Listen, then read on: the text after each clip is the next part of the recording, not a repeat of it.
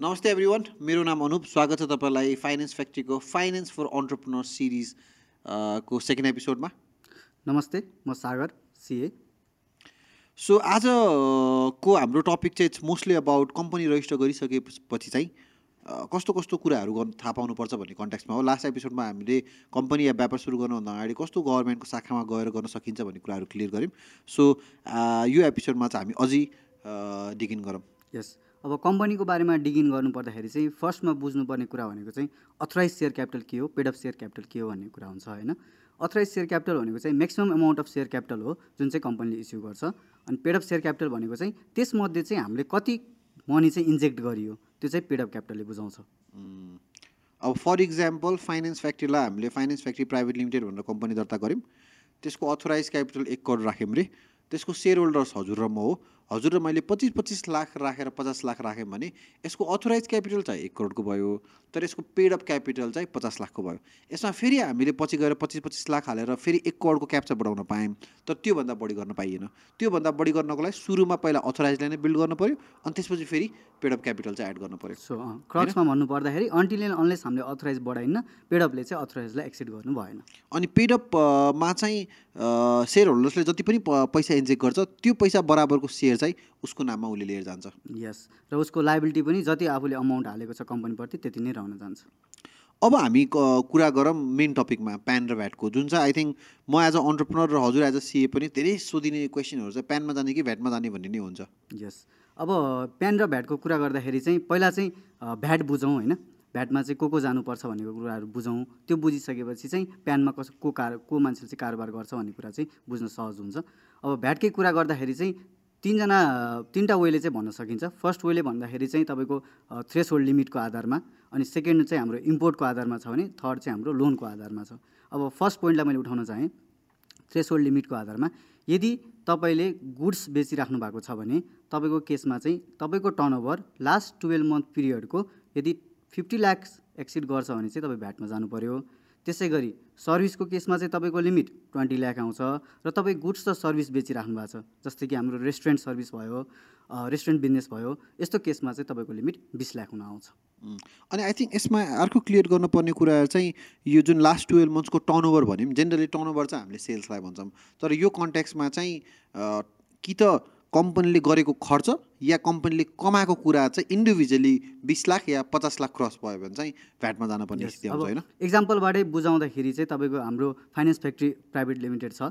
उसको चाहिँ यदि सेल्स तपाईँको मानिलिउँ दस लाख छ during the last twelve month अनि पर्चेस चाहिँ तपाईँको टेन लाख छ भने चाहिँ उसलाई भ्याटमा जानु परेन। किनभने न त सेल्सले उसको लिमिट एक्सिड गर्यो यदि सर्भिस बेच्छ भने अनि त्यसै गरेर न त तपाईँको पर्चेसले चाहिँ एक्सिड गर्यो। तर दुइटैलाई चाहिँ जोडेर चाहिँ हेर्नु भएन। किनभने जोडेर गयो भने त हाम्रो लिमिट नाग्यो त्यसरी चाहिँ भ्याटमा जानुपर्छ भने चाहिँ जुन चाहिँ क्ल्यारिफाई गर्नु जरुरी छ। अनि अर्को कुरा एड गर्दाखेरि चाहिँ यो टुवेल्भ मन्थ पिरियड भनेको कन्जिक्युटिभ पिरियड अथवा टुवेल्भ मन्थ पिरियड भनेको के हो भन्दाखेरि जस्तै तपाईँ यदि चैत्रमा हुनुहुन्छ भने फागुनदेखिको हेर्नुहोस्। फागुनभन्दा पछाडिको चाहिँ टुवेल्भ मन्थ हेर्नुहोस्। त्यो टुवेल्भ मन्थको डेटाले चाहिँ यदि हाम्रो लिमिट नागेको छ भने तपाईँले लिमिट नागेको डेटदेखि थर्टी डेजभित्रमा चाहिँ भ्याटमा जानु पऱ्यो नत्र भने चाहिँ परेन।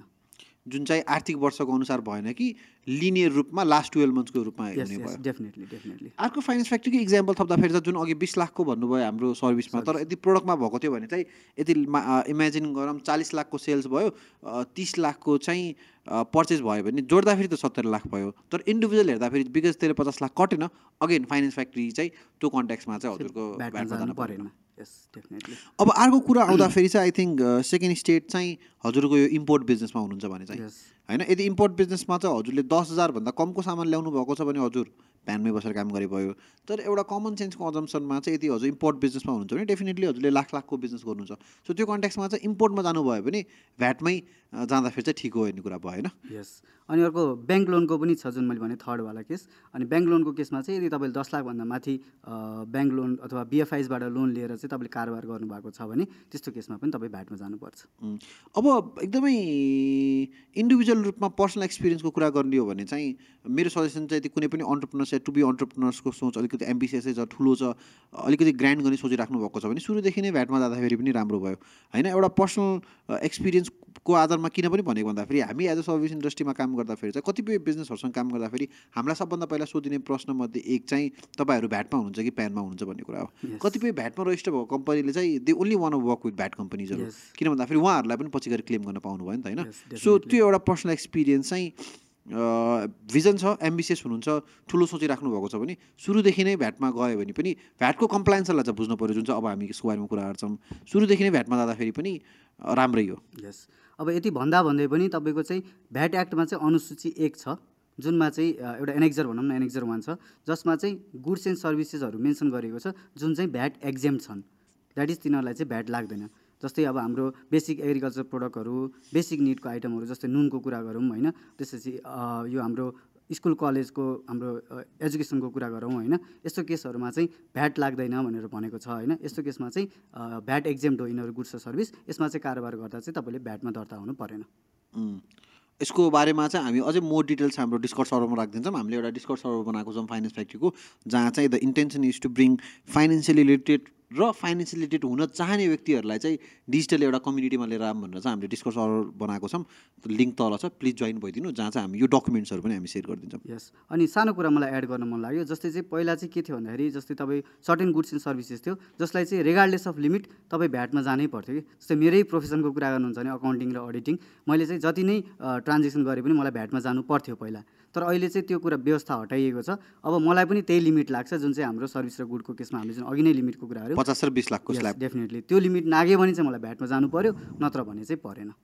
अर्को मैले देख्ने कुरा चाहिँ भ्याटको कम्प्लायन्सलाई चाहिँ हामीले एकदमै कम्प्लिकेटेड रूपमा हेरिरहेको छौँ कि या भ्याटमा नजाऊँ सकेसम्म प्यानमै बसौँ या ट्रान्जेक्सन भयो भने पनि सकेसम्म भ्या- प्यानमै बसेर काम गरौँ भन्ने एउटा त्यो मिसकन्सेप्सन या रङ इन्फर्मेसन पनि मैले मार्केटमा देखिरहेको छु कि होइन? यस डेफिनेटली के हुन्छ भन्दाखेरि अब हामीले नै भनौँ न हामीले अथवा सरकारले भनौँ होइन? मान्छेहरूलाई फाइनेन्सियली लिटरेट गर्नै बाँकी छ कि भ्याटको फाइदाहरू के हुन्छ।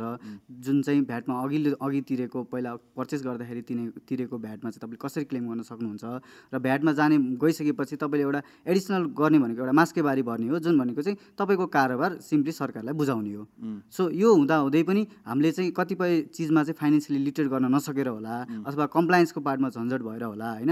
मान्छेहरू चाहिँ भ्याटमा जान अलिकति प्रिफर गर्नुहुन्न। जसले गर्दाखेरि चाहिँ लिमिटभन्दा मुनि बस्ने अनि त्यसपछि गएर त्यो लिमिटभन्दा मुनि बस्नलाई चाहिँ के कस्तो गर्न सकिन्छ भने अलिकति अनइथिकल बिहेभियर पनि गर्न सकिन्छ जुन चाहिँ ओभरअल कन्ट्रीको इकोनोमीलाई चाहिँ नराम्रो हुन जान्छ।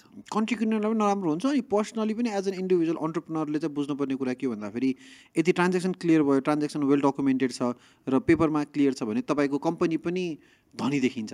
अनि कम्पनी धनी देखेको फाइदा के छ भन्दाखेरि हजुरलाई लोनमा फाइदा हुन्छ लोन लिन लिँदाखेरि। अहिले अब हजुरको यो भेन्चर फन्डिङको कुराहरू आइरहेको छ पिइभिसीको कुराहरू आइरहेको छ होइन। कुनै पनि यस्तो भेन्चर क्यापिटल्सहरूसँग फन्डिङ उठाउन सजिलो हुन्छ। सो यो एस्पेक्टको कुराहरूमा चाहिँ फाइदा धेरै छन् होइन। कम्प्लायन्सलाई चाहिँ झन्झटको रूपमा नहेरेर फाइदातिर हेरियो भने चाहिँ आई थिङ्क लङ रनमा देशलाई र अन्टरप्रिनर्सको ग्रोथ पनि राम्रो हुन सकिन्छ जस्तो लाग्छ मलाई चाहिँ। डेफिनेटली अब यो कुरा गर्दै जाँदाखेरि चाहिँ अब नर्मली चाहिँ प्यान बिलको केसमा अब अथवा प्यान बिल के हो अ, भ्याट बिल के हो एस्टिमेट बिल के हो भन्ने पनि बुझाउनु पर्ने जरुरी छ होइन? जस्तै अब तपाईँको प्यान भ्याट बिल पहिला बुझौँ होइन? जस्तै भ्याट बिलको कुरा गर्दाखेरि चाहिँ भ्याटमा चाहिँ टपमा हाम्रो VAT number slash PAN number भनेर लेखिएको हुन्छ प्यान नम्बर नै हुन्छ त्यो। र तलपट्टि चाहिँ तपाईँको ट्याक्सेबल अमाउन्ट ट्याक्स अमाउन्ट र टोटल अमाउन्ट लेखिएको हुन्छ। यसरी चाहिँ हामीले आइडेन्टिफाई गर्न सकिन्छ कि यो भ्याट बिल हो भन्ने। यदि सेम बिल छ अनि त्यसपछि गएर चाहिँ उसमा चाहिँ ट्याक्सको पार्ट छैन खालि प्यान नम्बर मात्रै छ भने चाहिँ त्यो प्यान बिल भयो। अनि एस्टिमेट बिल भनेको न त तपाईँको प्यान नम्बर लेखिएको हुन्छ न त ट्याक्स अमाउन्ट लेखिएको हुन्छ होइन? अनि हाम्रो इन्कम ट्याक्स एक्टले चाहिँ के गर्छ भन्दाखेरि चाहिँ कुनै पनि हामीले खर्चहरू क्लेम गर्नुपर्छ नि त जुन खर्चलाई खर्च जनाउनुपर्छ त्यो जनाउँदाखेरि चाहिँ तपाईँको एस्टिमेट बिलको आधारमा हुँदैन प्यान बिल र भ्याट बिल लिनु भन्ने चाहिँ एउटा प्रोभिजन छ त्यही भएर चाहिँ प्यान बिल र भ्याट बिल लिनुपर्ने जरुरी हुन्छ। अर्को कन्फ्युजन के पनि देख्छु भन्दाखेरि चाहिँ यदि म प्यानमा रजिस्टर्ड छु भने मैले भ्याट बिल लिने कि प्यान बिल लिने? यदि म भ्याटमा रजिस्टर्ड छु भने मैले भ्याट बिल लिने कि प्यान बिल लिने भन्ने कन्फ्युजन पनि देख्छु म मार्केटमा। यस। अब यसमा चाहिँ म के सजेस्ट गर्छु भन्दाखेरि चाहिँ यदि तपाईँ भ्याटमा रजिस्टर्ड हुनुहुन्छ भने चाहिँ तपाईँले चाहिँ तपाईँको पार्टी खोज्दा अथवा भेन्डर खोज्दा चाहिँ तपाईँ भ्याटमै रजिस्टर भएको पार्टी खोज्नु होइन? जसले गर्दा चाहिँ तपाईँले तपाईँले तिरेको भ्याट क्लेम गर्न पाउनुहुन्छ। अनि त्यसपछि गएर यदि तपाईँ प्यानमा हुनुहुन्छ भने चाहिँ तपाईँसँग अप्सन हुन जान्छ। अप्सन पनि कसरी हुन जान्छ भने तपाईँले सुरुमै सिलेक्ट गर्नुपर्ने हुन्छ कि त्यो भ्याटवाला हो कि प्यानवाला हो भनेर होइन? यदि तपाईँको भ्याटबाट आउने बिल पनि र प्यानबाट आउने बिल पनि उति नै अमाउन्टको पर्न जान्छ। मानव एक सय तेह्र नै पर्छ भने चाहिँ तपाईँले जुनबाट किन्दा पनि हुन्छ केही फरक पर्दैन। तर भ्याटबाट किन्दा चाहिँ तपाईँलाई एक सय तेह्र परिरहेछ अनि प्यानबाट किन्दा चाहिँ तपाईँलाई सय रुपियाँ मात्रै परिरहेछ भने चाहिँ त्यो केसमा चाहिँ तपाईँले प्यानवाला बिल चाहिँ लिनुपर्ने हुन्छ। सो यो आइडेन्टिफिकेसन चाहिँ अब किन्ने मेरो भेन्डर चाहिँ भ्याटवाला हो कि प्यानवाला भन्ने कुरा चाहिँ पहिला आइडेन्टिफाई गर्नु पऱ्यो यस डेफिनेटली होइन? तर एउटा एक्सेप्सन कस केसेस कस्तो पनि हुन्छ भन्दाखेरि लेट चाहिँ हजुर यस्तो इन्डस्ट्रीमा हुनुहुन्छ जहाँ चाहिँ हजुरले भ्याटवाला प्रडक्ट पनि बेच्नु भएको छ भ्याट एक्जाम प्रडक्ट पनि बेच्नु भएको छ। मानिलियो हजुर ब्युटी प्रडक्ट बेचिराख्नु भएको छ तर कतिपय मेडिसिनल प्रडक्टहरू जसमा चाहिँ भ्याट लाग्दैन त्यो पनि गरिराख्नु भएको छ भने त्यही भ्याट बिलमा नै हजुरले त्यो प्रडक्ट चाहिँ भ्याट नथपिकन भ्याट काट्न पाउनु भयो होइन? यस डेफिनेटली किनभने अब ऊ अलरेडी भ्याटमा रजिस्टर्ड छ भने चाहिँ उसलाई छुट्टै प्यान बिल दिनु जुनमा चाहिँ भ्याट एक्जाम छ भने माग्ने कुरा आउँदैन होइन? सो त्यस्तो केसमा चाहिँ बिल चाहिँ त्यही नै हुन्छ। बिलको ट्याक्सेबल अमाउन्टमा चाहिँ त्यो पार्ट मात्रै इन्क्लुड गरिन्छ त्यो अमाउन्ट मात्रै इन्क्लुड गरिन्छ जुनमा चाहिँ भ्याट लाग्छ। जुनमा चाहिँ भ्याट लाग्दैन त्यसको पार्टमा चाहिँ हामीले ट्याक्स लगाउन मिल्दैन र त्यसरी बिल जेनेरेट गर्नुपर्ने हुन्छ। एउटा कुरा एकदमै यहाँ क्लियर हुनुपर्ने चाहिँ के आवश्यकता छ भन्दाखेरि यो भेन्डर रिकग्निसनको। हामीले के भन्न खोजेको होइन कि हजुरले भ्याट बिल के अरे सस्तो पर्छ भने यो बिल लिनुहोस् या यो त्यो बिल लिनुहोस् भन्न खोजे होइन कि भेन्डर के हो? भेन्डर केमा रजिस्टर छ? प्यानमा रजिस्टर छ कि भ्याटमा रजिस्टर छ? उसले कुन बिल काट्न सक्छ र कुन बिल लिँदाखेरि चाहिँ मेरो बिजनेसलाई चाहिँ फाइदा हुन्छ भन्ने पर्सपेक्टिभमा चाहिँ भेन्डर सेलेक्सन चाहिँ त्यहाँ गर्नुभयो भने आई थिङ्क त्यो बिल लिने कुरा आफै सल्भ भइदिन्छ। यस अनि अर्को मलाई प्यान बिलको केसमा चाहिँ फ्रिक्वेन्टली आक्स क्वेसन चाहिँ के छ भने चाहिँ कतिसम्मको चाहिँ एउटा प्यान बिल मैले काट्न सक्छु त? पाँच हजार एक लाख भनेर मलाई सोध्नुहुन्छ। तपाईँले जति पनि अमाउन्टको प्यान बिल काट्न सक्नुहुन्छ त्यस्तो कुनै रुल छैन। यो तपाईँको मार्केटमा भएको एउटा फल्स इन्फर्मेसन हो होइन? निरा निराधार इन्फर्मेसन हो होइन? तपाईँले चाहिँ सिम्पली के ध्यान दिनु पऱ्यो भन्दा चाहिँ तपाईँलाई प्यानमा बसिराख्नु भएको छ भने चाहिँ भ्याटमा जानु भएन। भ्याटमा जानु भएन भनिसकेपछि तपाईँको चाहिँ ट्रान्जेक्सन त्यसरी हुनु पऱ्यो कि तपाईँको भ्याटको लिमिट क्रस गर्नु भएन। किनभने यदि तपाईँको भ्याटको जुन हामीले अघि नै स्पेसिफाई गरेको छ लिमिट त्यसलाई लिमिट नाग्ने जस्तो देखिन्छ भने चाहिँ तपाईँ भ्याटमा जानु पऱ्यो तिस दिनभित्र तिस दिनभित्र सो त्यति बेला चाहिँ तपाईँ भ्याटमा जानुपर्ने हुन्छ।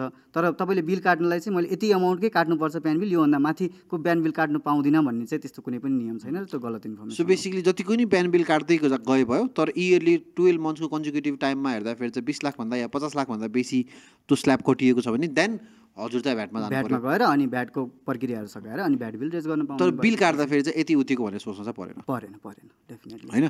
आई थिङ्क यो आजको कन्भर्सेसन हामीले जे पनि अनि गऱ्यौँ यसमा मलाई सानो कुरा अझै एड गर्न मन लाग्यो जस्तै कि तपाईँको ब्रान्च छ होइन? अब बिलको नम्बरिङकै केसको कुरा गर्दाखेरि चाहिँ पहिला सुरुमा नम्बरिङको केसको कुरा गरौँ होइन? एउटा financial year next financial year start भयो भने चाहिँ तपाईँले जेरो वानबाट चाहिँ बिल प्याडमा प्रिन्ट गर्नु होला छाप्नु होला अनि त्यसबाट चाहिँ कन्टिन्यू गर्नु होला किनभने मान्छेलाई चाहिँ यो कन्फ्युजन रहिआएको छ।